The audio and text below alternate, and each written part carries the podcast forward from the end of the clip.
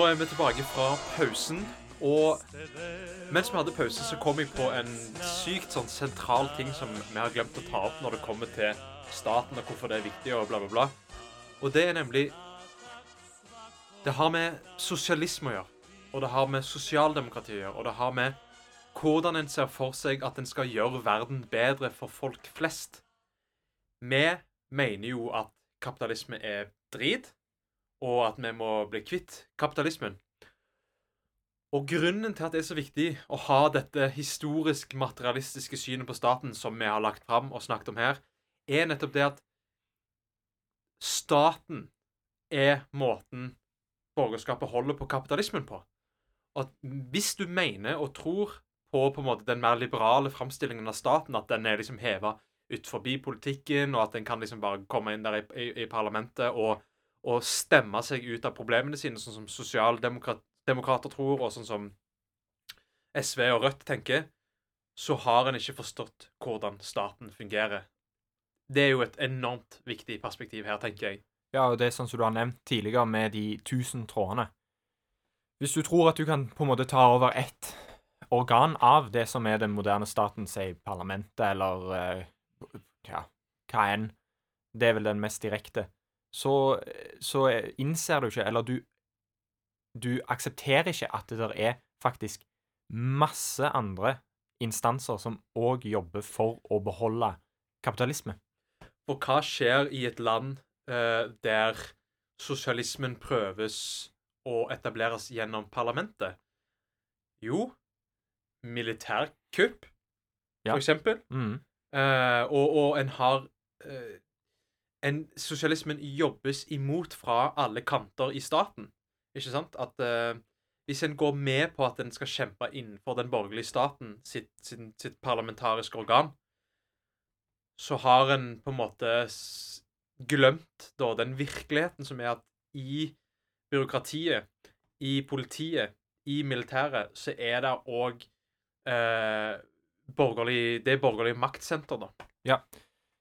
Mekanismer som vi har snakket om tidligere, for å på en måte bevare alltid eh, det som er den moderne staten.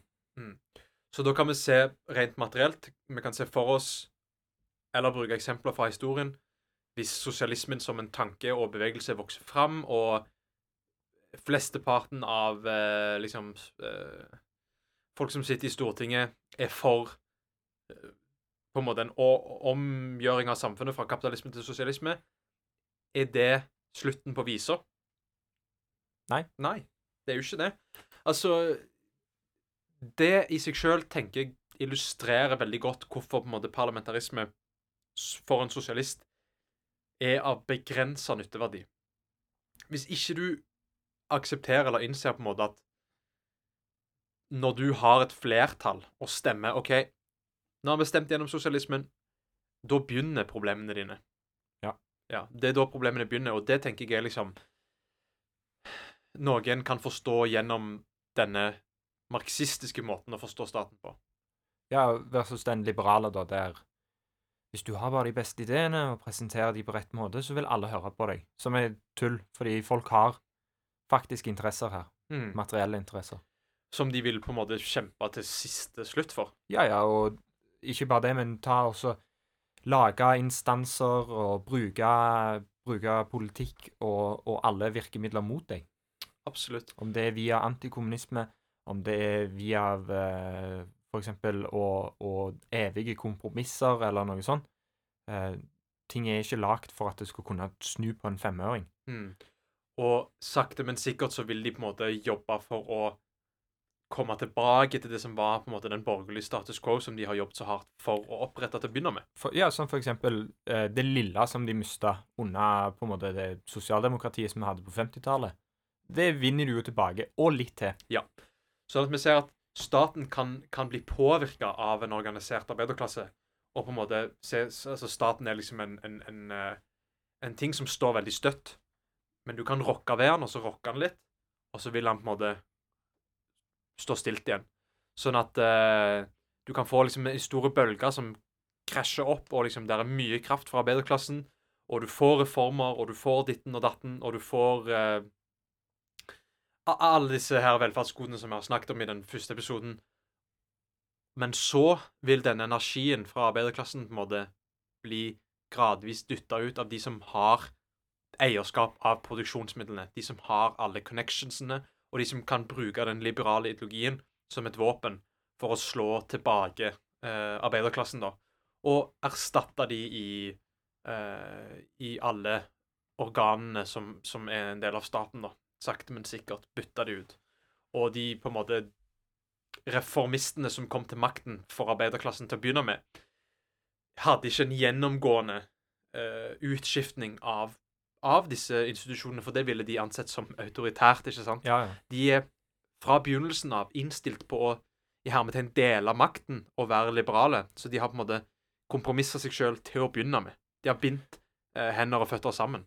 Ja, de har kompromissa seg ut av eh, maktposisjoner. Eh, der du egentlig stiller deg opp eh, på en sånn måte at du kan bare tape. Ja. Eh, fordi du har ikke kvitta deg med konkurrerende interesser. Og, og så lenge kapitalismen får lov til å være eh, gjeldende, da, og får lov til å på en måte fortsette å leve, så eh, som system, så vil til slutt den gamle status quo-en bli eh, gjenoppretta. Sakte, men sikkert. Fordi at nemlig det system, det, måten ting er på i dag, kommer ut ifra kapitalismen. Måten ting var under føydalsystemet, kom ut ifra måten produksjonen var um, uh, satt opp. Og her kan vi ta et knall uh, godt eksempel, som er det her, den, der eh, Jeg vet ikke om du har hørt om sånn Du som hører på, jeg vet at Jørgen har hørt om det. Sånn På en måte sånn anarkokapitalister som vil ha bokstavelig talt ingen stat. Jørgen kan jo fortelle mer om det. Hvis du, hvis du da ser for deg at du er en anarkokapitalist, og ingen stat skal eksistere Fordi det vil vært den rene formen for Ja, den reneste formen for, for frihet, og det er jo det er desidert noe vi skal snakke mer om senere, men tanken her er jo at det der er ingen andre som kan på en måte herske øh, over deg og, og, og bestemme hva du skal gjøre, som er en sånn veldig lokkende tanke.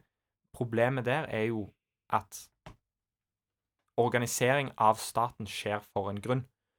Folk eh, har Altså, folk har en stat, staten har en rolle, og om den ikke er for å bare beholde borgerskapet sine interesser, så er det òg en, en enormt effektiv måte å organisere seg på.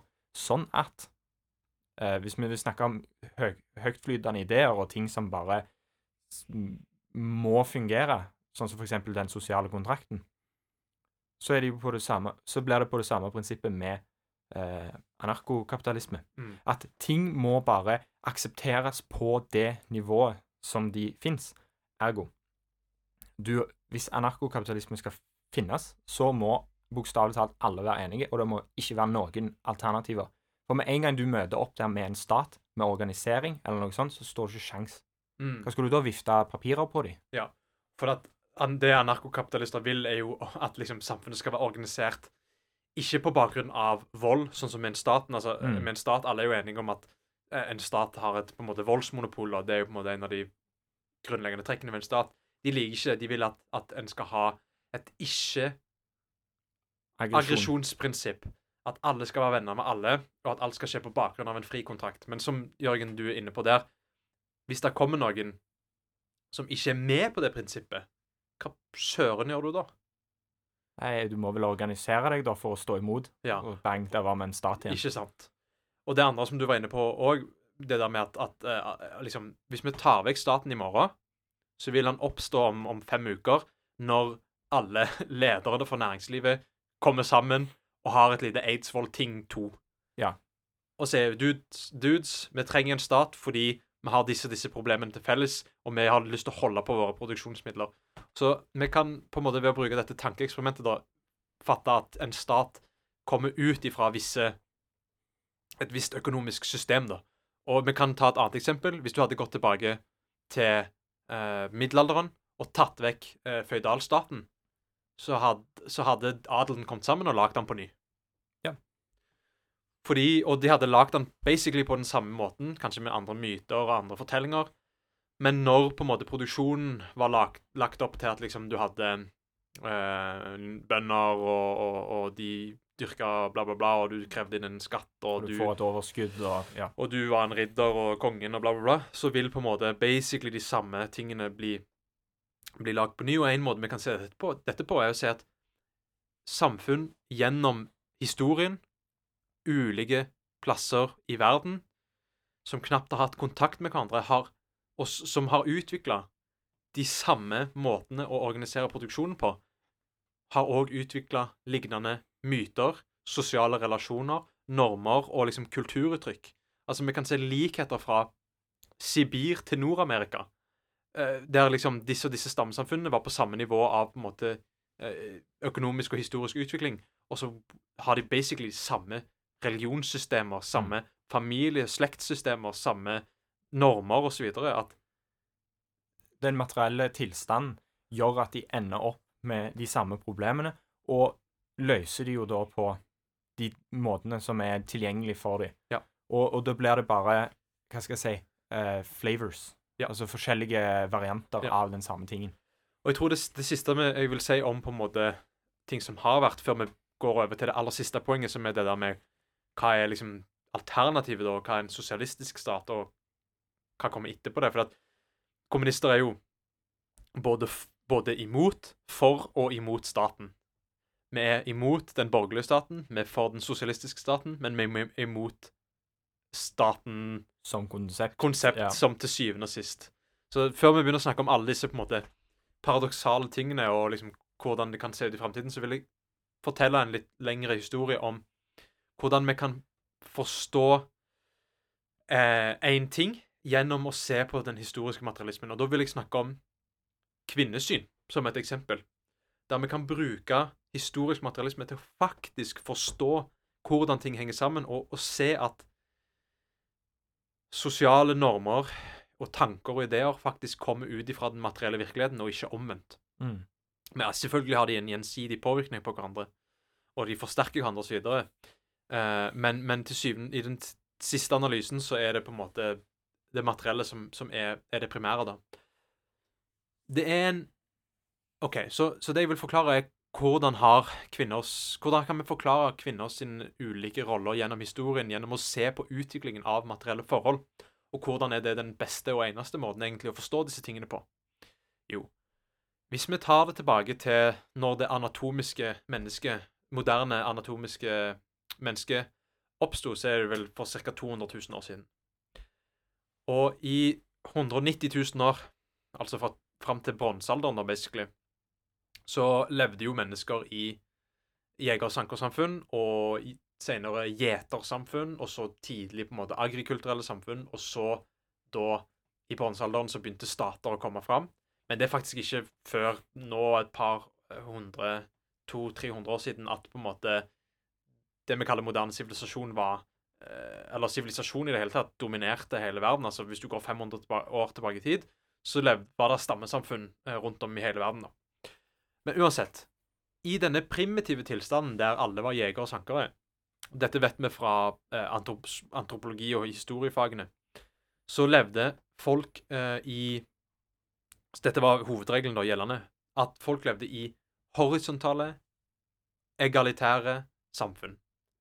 Der en trakk slektslinjer gjennom mødre. Og måten den vi har jo, Jeg sa jo i, i introen at hvis du skal forstå et samfunn, så må du forstå måten å har organisert produksjonen på. Og hvordan var produksjonen organisert i den tiden der kvinner og menn var likestilte? Jo, da eh, trengte en eh, alle eh, Da var en jo eh, Hva heter det når du, når du eh, bare på en måte arbeider for å liksom leve? Ja eh, Subsistence. Ja, et eller annet heter det på norsk. Ja. Uh, I hvert fall alle liksom var med å jakte og sanke, derav jeger- og sankersamfunn. Og en hadde på en måte ikke noen særlig verktøy, og en, en klarte ikke å lage noe overskudd. Sånn at det en s- eh, hadde på seg, på en måte, det var de eiendelene en hadde. Og en trengte alle mann alle, og alle damer alle, for å være med og, og, og holde live i på en måte den klanen, eller liksom slektsenheten som en, som en levde i. da. Og det, det ga da utspring til Og et annet faktum er at sant? Eh, tilbake i den tiden, så, så var det umulig å vite hvem som var faren din. Fordi at alle lå med alle, og så videre. Men det som var ganske tydelig, var hvem som var mor di, fordi at alle kan se Alle vet hvem som har født deg. Alle vet hvem som har født deg, men alle vet ikke hvem som er, er faren av, av åpenbare grunner, da. Og dette førte til at kvinner ikke bare var likestilte, men hadde en relativt sentral rolle i disse samfunnene. Men hvordan går vi fra dette måte, likestilte samfunnet til det neste steget i utviklingen, der kvinner er totalt underlagte menn? De er basically eiendom. Jo, eh, og dette sier jeg ikke som en moralsk fordømmelse, men mer en sånn forklaring. Det handler faktisk om introduksjonen av privat eiendom. Det har en sammenheng. Og i, i, det er ikke ment for å være en, liksom, sånn en uh, zinger, liksom, eller en moralsk fordømmelse av privat eiendom som konsept. Men måten dette fungerer på som en mekanisme, er at uh, av naturlige grunner så hadde jo allerede uh, det har vært en naturlig arbeidsfordeling, der menn var ute og, og, og jakta osv., og, og, og kvinner var nærere hjemmet. sant? Naturlige grunner til det. Uh, og det som skjer når en da begynner Og jeg har ikke tid til å gå inn på akkurat hvordan det skjer, men når en begynner å ha på en måte, å være en eh, gjeter, da, og ha liksom flokker av dyr, da, sant, eh, geiter og, og kyr osv., så, videre, så bare naturligvis fortsetter det å være liksom en del av mannens domene. Og det som skjer da, er at da får en jo nok til å lage et overskudd. Ikke bare det, men en kan òg ha arv. Og da blir det plutselig viktig um, å vite hvem sønnen din er. Jo, at det er din At det er sønn. din sønn. Ja. Fordi at du skal på en måte levere videre denne tingen som tilhørte deg eh, i din kapasitet som mann, eh, din, som nå er din private eiendom. Du skal levere det videre. Før dette hadde du ikke eksistert privat eiendom. Du hadde personlig eiendom, men du hadde liksom ikke denne formen for privat Ja, eiendom. også av biologiske grunner, da, så er du interessert i å på en måte fremme kan du, Hva kan du si? Dine gener, da. Ja, det er naturlige på en måte, årsaker til at det skjer på Mm. denne måten. Så det som skjer, er at en plutselig så får mennene kontroll over enorme ressurser som før ikke hadde vært tilgjengelig, og et insentiv til å kontrollere kvinners seksualitet. Sånn at når, når disse to tingene sammenfaller, så brytes opp sakte, men sikkert den gamle strukturen der menn flytta inn til damene. Der damene hadde jo på en måte da en, på en måte kunne alliere seg med sine søstre og sin familie. Der mannen var liksom en litt, litt mer utenforstående, og man hadde ikke sant, privat eiendom og den i mak makt i form av det, og dette overskuddet. Men nå, sakte, men sikkert, så begynte de gamle familie- og, og slektsstrukturene og økonomiske stru- strukturene å bli erstatta av de på en måte mer effektive, da, kan vi si, nye, der du har et større overskudd, mer materiale, og en kan til og med begynne å handle litt og sånt. Da er det heller ikke det store behovet for damer å, å delta for å overleve. Ja, Fordi at eh, gjeting er såpass mye bedre enn Ja, enn å sanke bær og springe i hjel en hjort eller noe. Ikke sant? Så da, sakte, men sikkert, så får mennene all makten, og de blir interessert i å ha ei dame som de vet kun ligger med de, og kun får deres unger.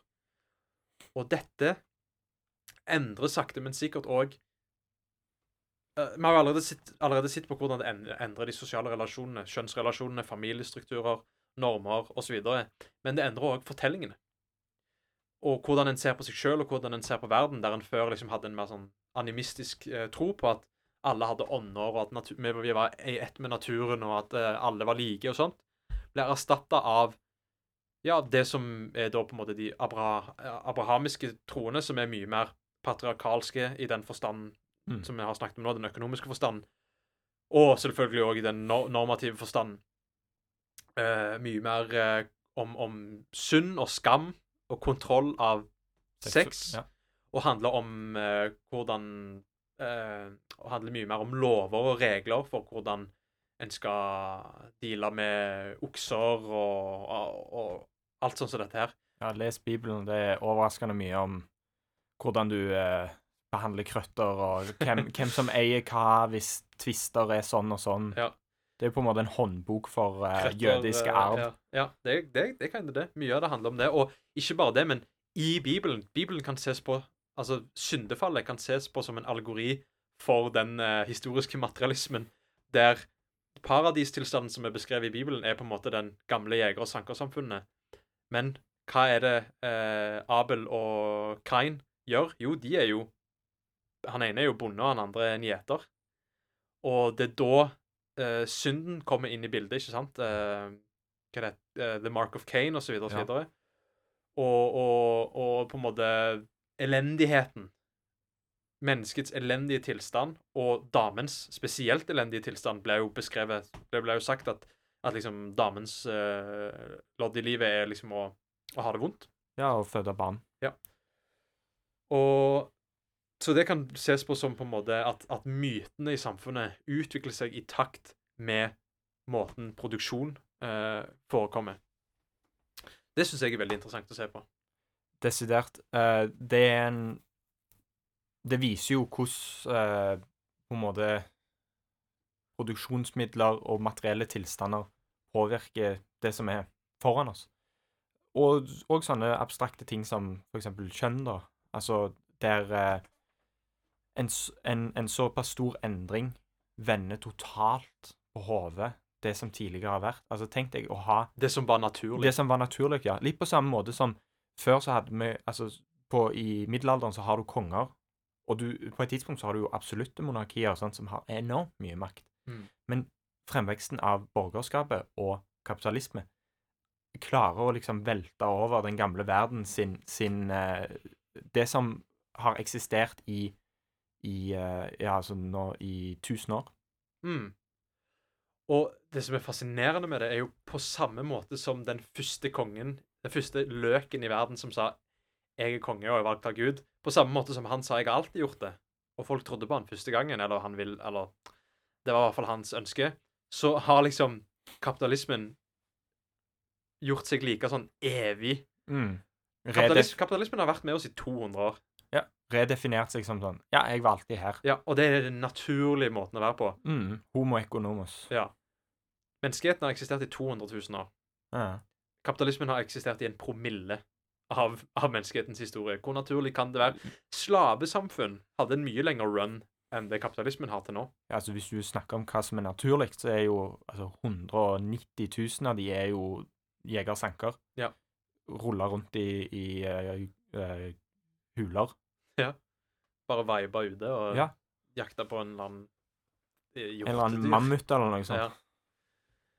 Så Altså Rollen til ideologi oppi alt dette er jo veldig fascinerende, for at den er alltid sånn 'Jeg har alltid vært her. Jeg er alt som gjelder.' Og den, den er liksom Den blir eh, vannet som fisken svømmer i, og du kan ikke se det engang. Nei, Du er så vant med det. Og der igjen, hvis vi drar dette tilbake til staten, så er jo det desidert tilfellet med staten. Eh, staten har fått mye makt. eh, Det abstrakte apparatet som den styrer, og presenterer seg jo selvfølgelig som evigvarende og viktig og Nøytral. nøytral. Jeg kommer alltid til å være her. Mm. Men vi som sosialister, det tror ikke vi på. Og det er jo gode grunner til det. Historien taler imot det. Ja. Og da kan vi jo begynne på kanskje det som blir siste del av denne, denne episoden, som blir at hva er egentlig Hva skal jeg si hva, hva er målet og resultatet vi vil ha? Og hvorfor innebærer det staten, og hvorfor innebærer det ikke staten? På likt. Ja. Altså. Um, OK, så som vi har nevnt før, så mener vi jo at kapitalisme er det som står i veien for på en måte at mennesker skal få utfolde seg og utvikle seg på den best mulige måten, og at folk, mest mulig folk skal ha det best mulig, da. Det er jo målet vårt politisk sett. Ja. Og vi mener jo at kapitalismen står i veien for det, og at staten er et av redskapene som borgerskapet har for å holde på dette systemet som gagner de. Så derfor ble jo på en måte det naturlige svaret at vi vil kvitte oss med den staten. Mm. Vi vil kvitte oss med den borgerlige staten. Og det betyr konkret at vi vil ikke ha en stat Den staten som er kontrollert av og for borgerskapet, den vil vi ha vekk. Altså på en, den ene måten eller den andre kvitte oss med det militære, det politiet, det byråkratiet og det par parlamentet. Det må vekk. Og i dens, dets sted så skal det komme en arbeiderstat. Og dette tror jeg er et poeng som mange har problemer med å forstå. For det er liksom sånn Den fortellingen du får, er jo at eh, sånn bolsjevikene, Lenin og de gutta der, de knuste liksom tsaren sin stat, og, eh, og da på en måte den halvborgerlige staten som eksisterte der i, i, på begynnelsen av 1900-tallet i Russland. De knuste den, og så oppretta de sin egen stat, og så var det jo egentlig bare samme gamle regler. Det ble jo bare det samme på nytt. Men det stemmer jo ikke. Og forskjellen er at den nye staten skal da være styrt av og for arbeidere. Det er den mest konkrete forskjellen. Men det som skal på en måte sikre at denne staten blir annerledes, og som, det som har historisk sett sikret at disse statene opererte faktisk på en eh, kvalitativt annerledes måte, er at det er basert på et nytt økonomisk system som heter sosialisme. På samme måte som kapitalisme gir utspring for borgerskapet og borgerskapet sin stat, så gir sosialisme utspring for arbeiderne sin stat. Ja, og da er det jo sånn Sånn som du snakker om de tusen trådene som uh, går til alle. Uh, du må erstatte disse med noe konkret. Og hvis vi ser på f.eks. militæret Militæret er et godt eksempel, fordi sånn som militæret er i dag, så er det jo en, en borgerlig beskyttelse. Uh, du har Du ser jo f.eks. at land har profesjonelle hærer. Alltid stående.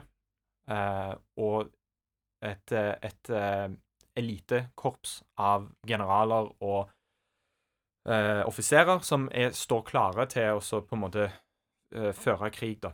Ja, og de, de, de lystrer da resten Altså den mer uh, utøvende og delen av staten og byråkratiet osv., og, og, og de er en makt på en måte i seg sjøl. Mm.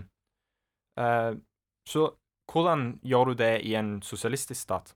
Det ble jo et av de store spørsmålene. Fordi, som vi har snakket tidligere, eh, du må på en måte ha staten. Kan jeg bare skyte en Ja. real quick? For dette tror jeg er en, eh, eh, en misforståelse folk har. En sosialistisk stat skal være mer demokratisk. Ja, ja, ja. Mer demokratisk enn den borgerlige staten som kom før. Mest mulig direkte demokrati. Mest mulig deltakelse av arbeidere.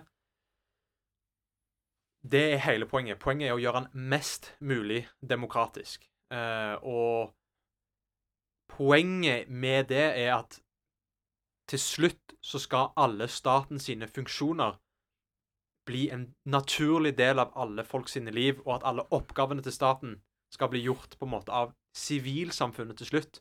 Og det er det som menes med at staten skal forsvinne. Ja. Sånn som kommunister vil ha, vil jo ha et klasseløst, statsløst, pengeløst samfunn. Den statløse delen betyr basically det at for eksempel sånn som i dag, så har vi et statlig helsevesen. Under kommunismen så har du et samfunnsmessig helsevesen. Det er ikke Mm. en del av staten, det er bare en del av sivilsamfunnet. Ja, og på samme måte med eksempel hæren, da. Da kan du ikke ha profesjonelle eh, hær som står der, men du må ha en hær for å beskytte deg. Eh, litt sånn som med den anarkismen, da, hvis bare alle soser rundt og, og gjør hva de vil.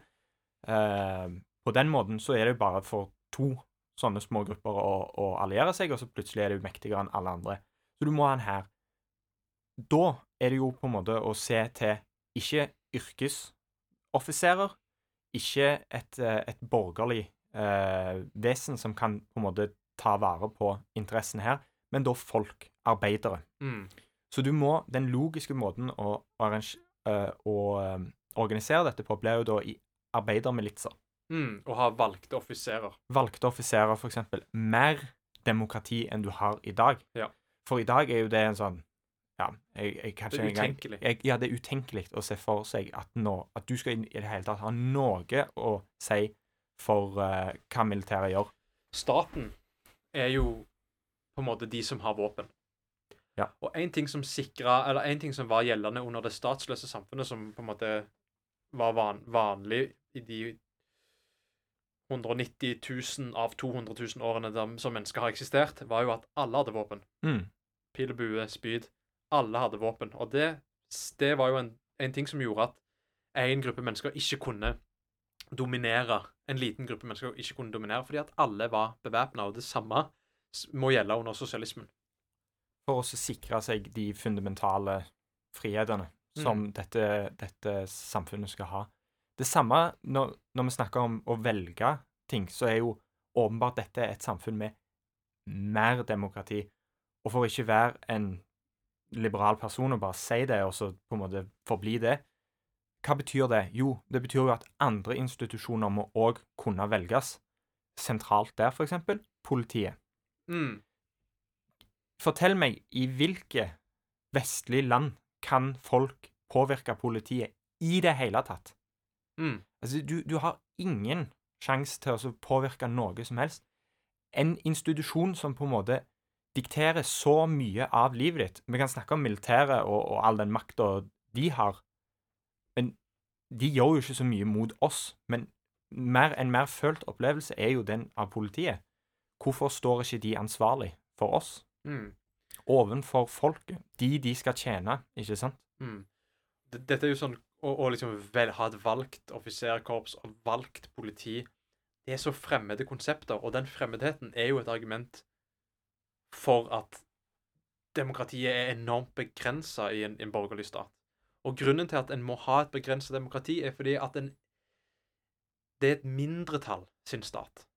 Mens den sosialistiske staten er flertallet sin stat. Mm. Og det betyr at for å sikre flertallet sine rettigheter, så må flertallet bestemme mest. Flertallet må være bevæpna, fordi at vi setter vår lit til et flertall. Det gjør oss demokratiske. For en liberal person, det er jo at alle skal ha våpen og være organisert inn i arbeidermilitser, høres jo helt sinnssykt ut. Mm. Hvordan kan du gi vanlige folk så mye makt? Det er jo den fundamentale distrusten av vanlige folk, ikke sant? Fordi de, de vil ikke anerkjenne at det der ekte makt ligger, er hos folket. Det er ikke en eller annen magisk institusjon eller et eller annet. Ekte makt fins hos folk, og for å forsikre seg om at det aldri kan bli misbrukt mot de samme folka, så må de ha tilgang på maktmidler. Absolutt. Ergo de folket må være en stat. Mm. Og ehm, Poenget til denne staten, og grunnen til at den må eksistere til å begynne med, er jo fordi at i Altså, når Si har en revolusjon, og hele poenget med en revolusjon er jo å knuse den eksisterende borgerlige staten, da. Og i den sted så bygger en en arbeiderstat, og alt dette gjør en på veien mot et statsløst samfunn. Grunnen til at en har bygd en arbeiderstat, er fordi i den på en måte etterrevolusjonære settingen, etterrevolusjonære situasjonen, så finnes det fortsatt klassekamp. En har nettopp kasta vekk eh, den borgerlige klassen fra styret. De vil gjerne ha den makten tilbake igjen. Så da er en er nødt til å ha Da kan en ikke overlate alt til sivilsamfunnet i et klass, klasseløst, statsløst samfunn. En er nødt til å ha en stat. Og hva er staten, og hvordan oppstår den? Jo, hvis vi husker tilbake til tidligere, så har vi snakket om at en stat er én klasse sitt verktøy for å dominere en annen klasse. Så den sosialistiske staten blir arbeiderklassen sitt verktøy for å dominere den borgerlige klassen. Akkurat sånn som i dag, så er staten borgerklassen sitt verktøy for å dominere arbeiderklassen. Så du på en måte snur det på hodet. Men poenget med denne nye staten er at siden den er demokratisk og består av vanlige folk, og målet er å ha et mest mulig på en måte demokratisk samfunn, så, må, så delegerer en mer og mer og mer og mer etter hvert som de indre og ytre konfliktene på en måte hvis, eh, Når en har på en måte stabilisert eh, sosialismen i landet sitt, og en ikke lenger har masse kapitalistiske fiendtlige land, som jo alltid har vært tilfellet for Mm. en sosialistisk stat, da kan en begynne å delegere mer og mer ut til sivilsamfunnet. Som for eksempel politi. Ja, og der ser du jo òg at det, Ganske kjapt så ser du jo òg at den modellen vi har i dag, med eh, Jeg vil bare kalle det en sånn eh, senatormodell, der vi velger i praksis diktatorer for fire år, eh, der du mindre og mindre eh, kan holde de ansvarlig, det kommer aldri til å fungere i et sånt et system. Mm, Det må, demokratiet må være mer direkte. absolutt. Det må være mer direkte valg, sånn at, kan, sånn at ikke bare kan du representere noe du faktisk representerer, ikke bare en sånn uh, vill geografisk gjetting som vi har nå, men du står òg til ansvar Og for det du gjør. Og uh, hvis vi tar Sovjetunionen som et eksempel, så kan du si at fra 20-tallet til uh, 40-50-tallet så har en jo et system som er mer eller mindre modellert på på en måte en borgerlig stat. Ind veldig indirekte demokrati og et veldig begrensa demokrati. Det var likevel en utvikling fra det som hadde vært tidligere. Og, det var, og makten lå hos folk på mange ulike måter. Men det var et enormt begrensa og ufullstendig demokrati. Men det en holdt på å utvikle var, på 50-tallet, var reformer som skulle åpne for generelle valg osv., osv., der en skulle utvide det demokratiet og, og, og liksom demokratisere Sovjetunionen. Og imot dette så kom jo Khrusjtsjov og den mer byråkratiske klikken og fikk en stopper for dette og sentraliserte enda mer makt i, eh, i, i, hos byråkratiet og i de mer topptunge sjiktene. Sånn at en sementerte staten som en egen ting istedenfor å devolvere og delegere mer makt ut til folket. Og dette er jo eh, en del av det som gjør at sosialismen svinner hen, fordi at en får da kapitalistiske reformer som blir introdusert av et byråkrati og en intelligensia som er mer og mer eh, fremmedgjort fra vanlige folk. Og som mer og mer ligner på en måte en egen kaste innenfor det sosialistiske samfunnet. Ja, og det er jo det som er en av de hva, hva kan kalle det, motstridelsene innenfor eh, en sosialistisk stat, da, er jo det at uh, den må på en måte kaste vekk uh, mange av de maktforholdene rimelig tidlig og ha et godt grunnlag for å i det hele tatt kunne fungere, for å ikke falle tilbake. Altså det er sånn, Hvis vi skal lære noe av historien, så er det jo det å ikke falle tilbake i det på en måte borgerlige mønsteret, men med røde flagg. Mm. Og det som jeg tenker er greit å ha som en person som leser historie, er den forståelsen av fra 1800-tallet til 1900-tallet når, når, kapitalismen hadde eksistert i 100 år, og Marx sine skrifter liksom, og, og så videre hadde eksistert i liksom 70 år Fram til midten av 1900-tallet, da var en tredjedel av verdens befolkning i sosialistiske land. Og det var det liksom Det hadde ikke gått langt Som jeg nevnte tidligere, kapitalismen hadde da eksistert i en promille av, verdens, av menneskehetens historie. Føydalismen eksisterte i tusener. Mm. Slavesamfunn i mange, mange, mange tusener. I titusener. Sånn at og, å liksom si at sosialismen feila. Ja, den gjorde faktisk det. Ja. Den feila. Uh, den feila, men, men, men, Og at liksom Marx tok feil i at, at sosialismen skulle, skulle, ta over. Det er litt for tidlig å si ennå.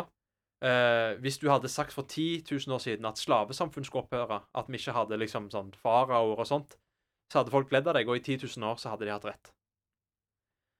Men dette var altså de, første spede forsøk da, på å på en måte på noe helt nytt, et reelt demokratisk samfunn og en sosialistisk økonomi, i en tid altså, Og dette var jo òg i land som på ingen måte på en måte hadde en befolkning som eh, var klar til å ta del i en administrasjon av et land. Det òg er jo et, eh, en enorm faktor. Ja, altså hadde dette skjedd i et annet land, si Tyskland eller noe sånt, så kan vi jo se for oss at resultatet hadde vært helt annet. Mm. Jeg tror det som er viktig å ta med seg med dette. Altså, hva er sosialisme, og hva er og hva kan f.eks. rollen til sosialisme være i fremtida? Er det der ikke, vær, ikke heng deg opp i det du blir fortalt nå.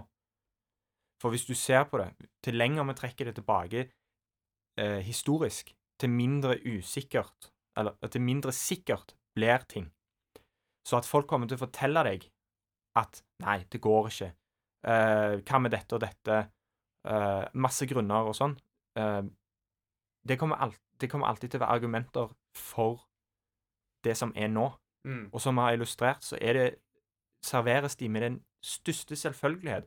Og det tror jeg kanskje er Det har du gjort i alle samfunn. Ja, alle samfunn har gjort det. Og det er en sånn selvbeskyttelsesmekanisme. Det forhindrer deg fra å drømme. Mm. Ikke sant? Ja. Og i det hele tatt se for seg en verden og, og det forhindrer deg òg fra å tenke. Ja. Se for deg en verden der ting kan faktisk være bedre, eller organisert på en annen måte. Mm. Det er jo utenkelig for mange folk. Og med en gang vi f.eks. snakker om disse tingene, så kan du se nærmest at folk blir sånn Nei, men ting er jo sånn som de er nå. Ja, sånn kommer det, det alltid til å være. det er ikke poenget. Poenget er at du må alltid streve etter å løfte deg sjøl et hakk videre. Mm. Ta et litt, litt større overblikk. Og dette Det er et enormt godt poeng. Jeg vil bare gå tilbake litt til det der med liksom Vi snakker om at den sosialistiske staten skal være mer demokratisk og involvere arbeiderklassen og, og alle de arbeiderne, klassene, bønder osv. Intelligensiaen og, og, og, så videre. Og mest mulig demokratisk, mest mulig direkte demokratisk, og liksom hele folket skal delta. Det skal være liksom staten, og så skal den en sakte forsvinne. Og Marx skriver jo om dette, og dette er jo idealet. sant? Det er jo dette som er kommunisme, ikke sant? Og Marx sier at dette vil oppstå i industrielle land, og grunnen til at han sier det, er fordi at disse landene har en lese- og skrivekyndig befolkning som kan delta i dette samfunnet som en har sett for seg. Altså, de er på en måte kyndige til å delta i eh, i å drifte et helt samfunn.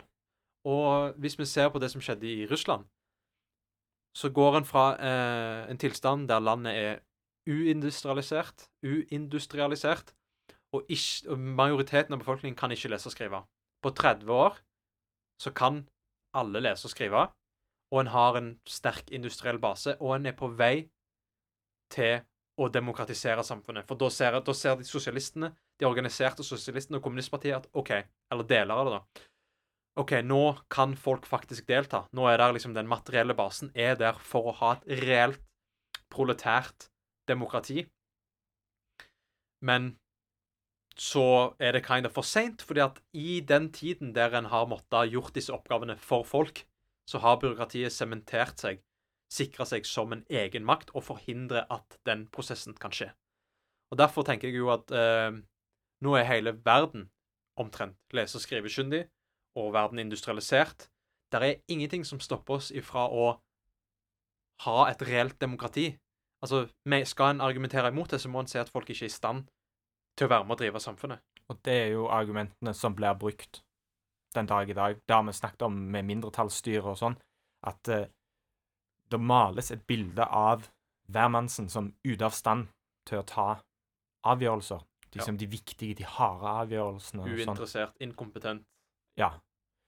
Mens i virkeligheten, på grunn av på en måte de harde realitetene av kapitalismen, så vil jeg påstå at vanlige folk er i større stand til å ta harde avgjørelser Mm. og sånn, nettopp fordi de gjør det hele tida. Og de folk er, har mer sjølinnsikt.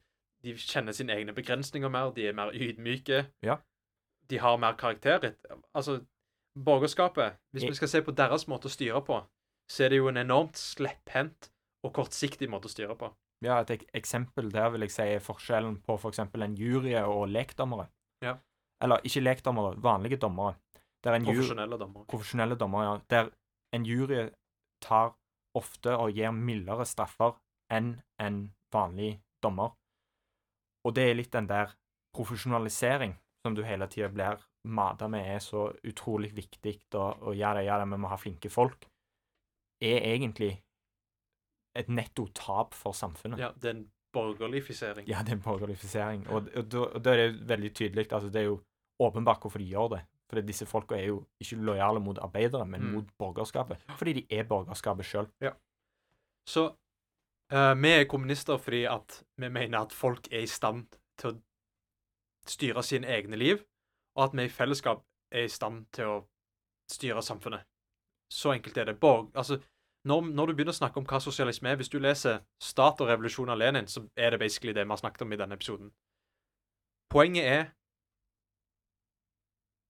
Folk skal styre samfunnet, ikke en profesjonell kaste av byråkrater, sånn som vi har i dag i borgerskapet.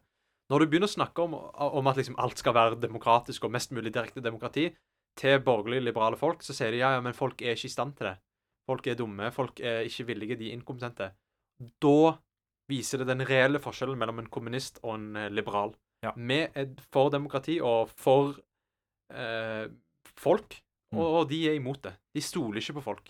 Det er bare én måte å maksimere frihet for mest mulig mennesker, og det er hvis flest mulig folk kan være med og bestemme. Bestemme på ting som er her og nå, og bestemme på ting som påvirker deres liv. Reelt. Reelt, ja. Og hvis du sier at det må skje av andre fordi du er så dum, det er ikke frihet. Vi, vi, sikter høyere enn liksom et indirekte demokrati som velger eh, folk du ikke kjenner, til et parlament, der de kun får lov til å bestemme i etterkant av alle faktiske avgjørelser som er skjedd av reelle ting. Altså, vi lever i et samfunn der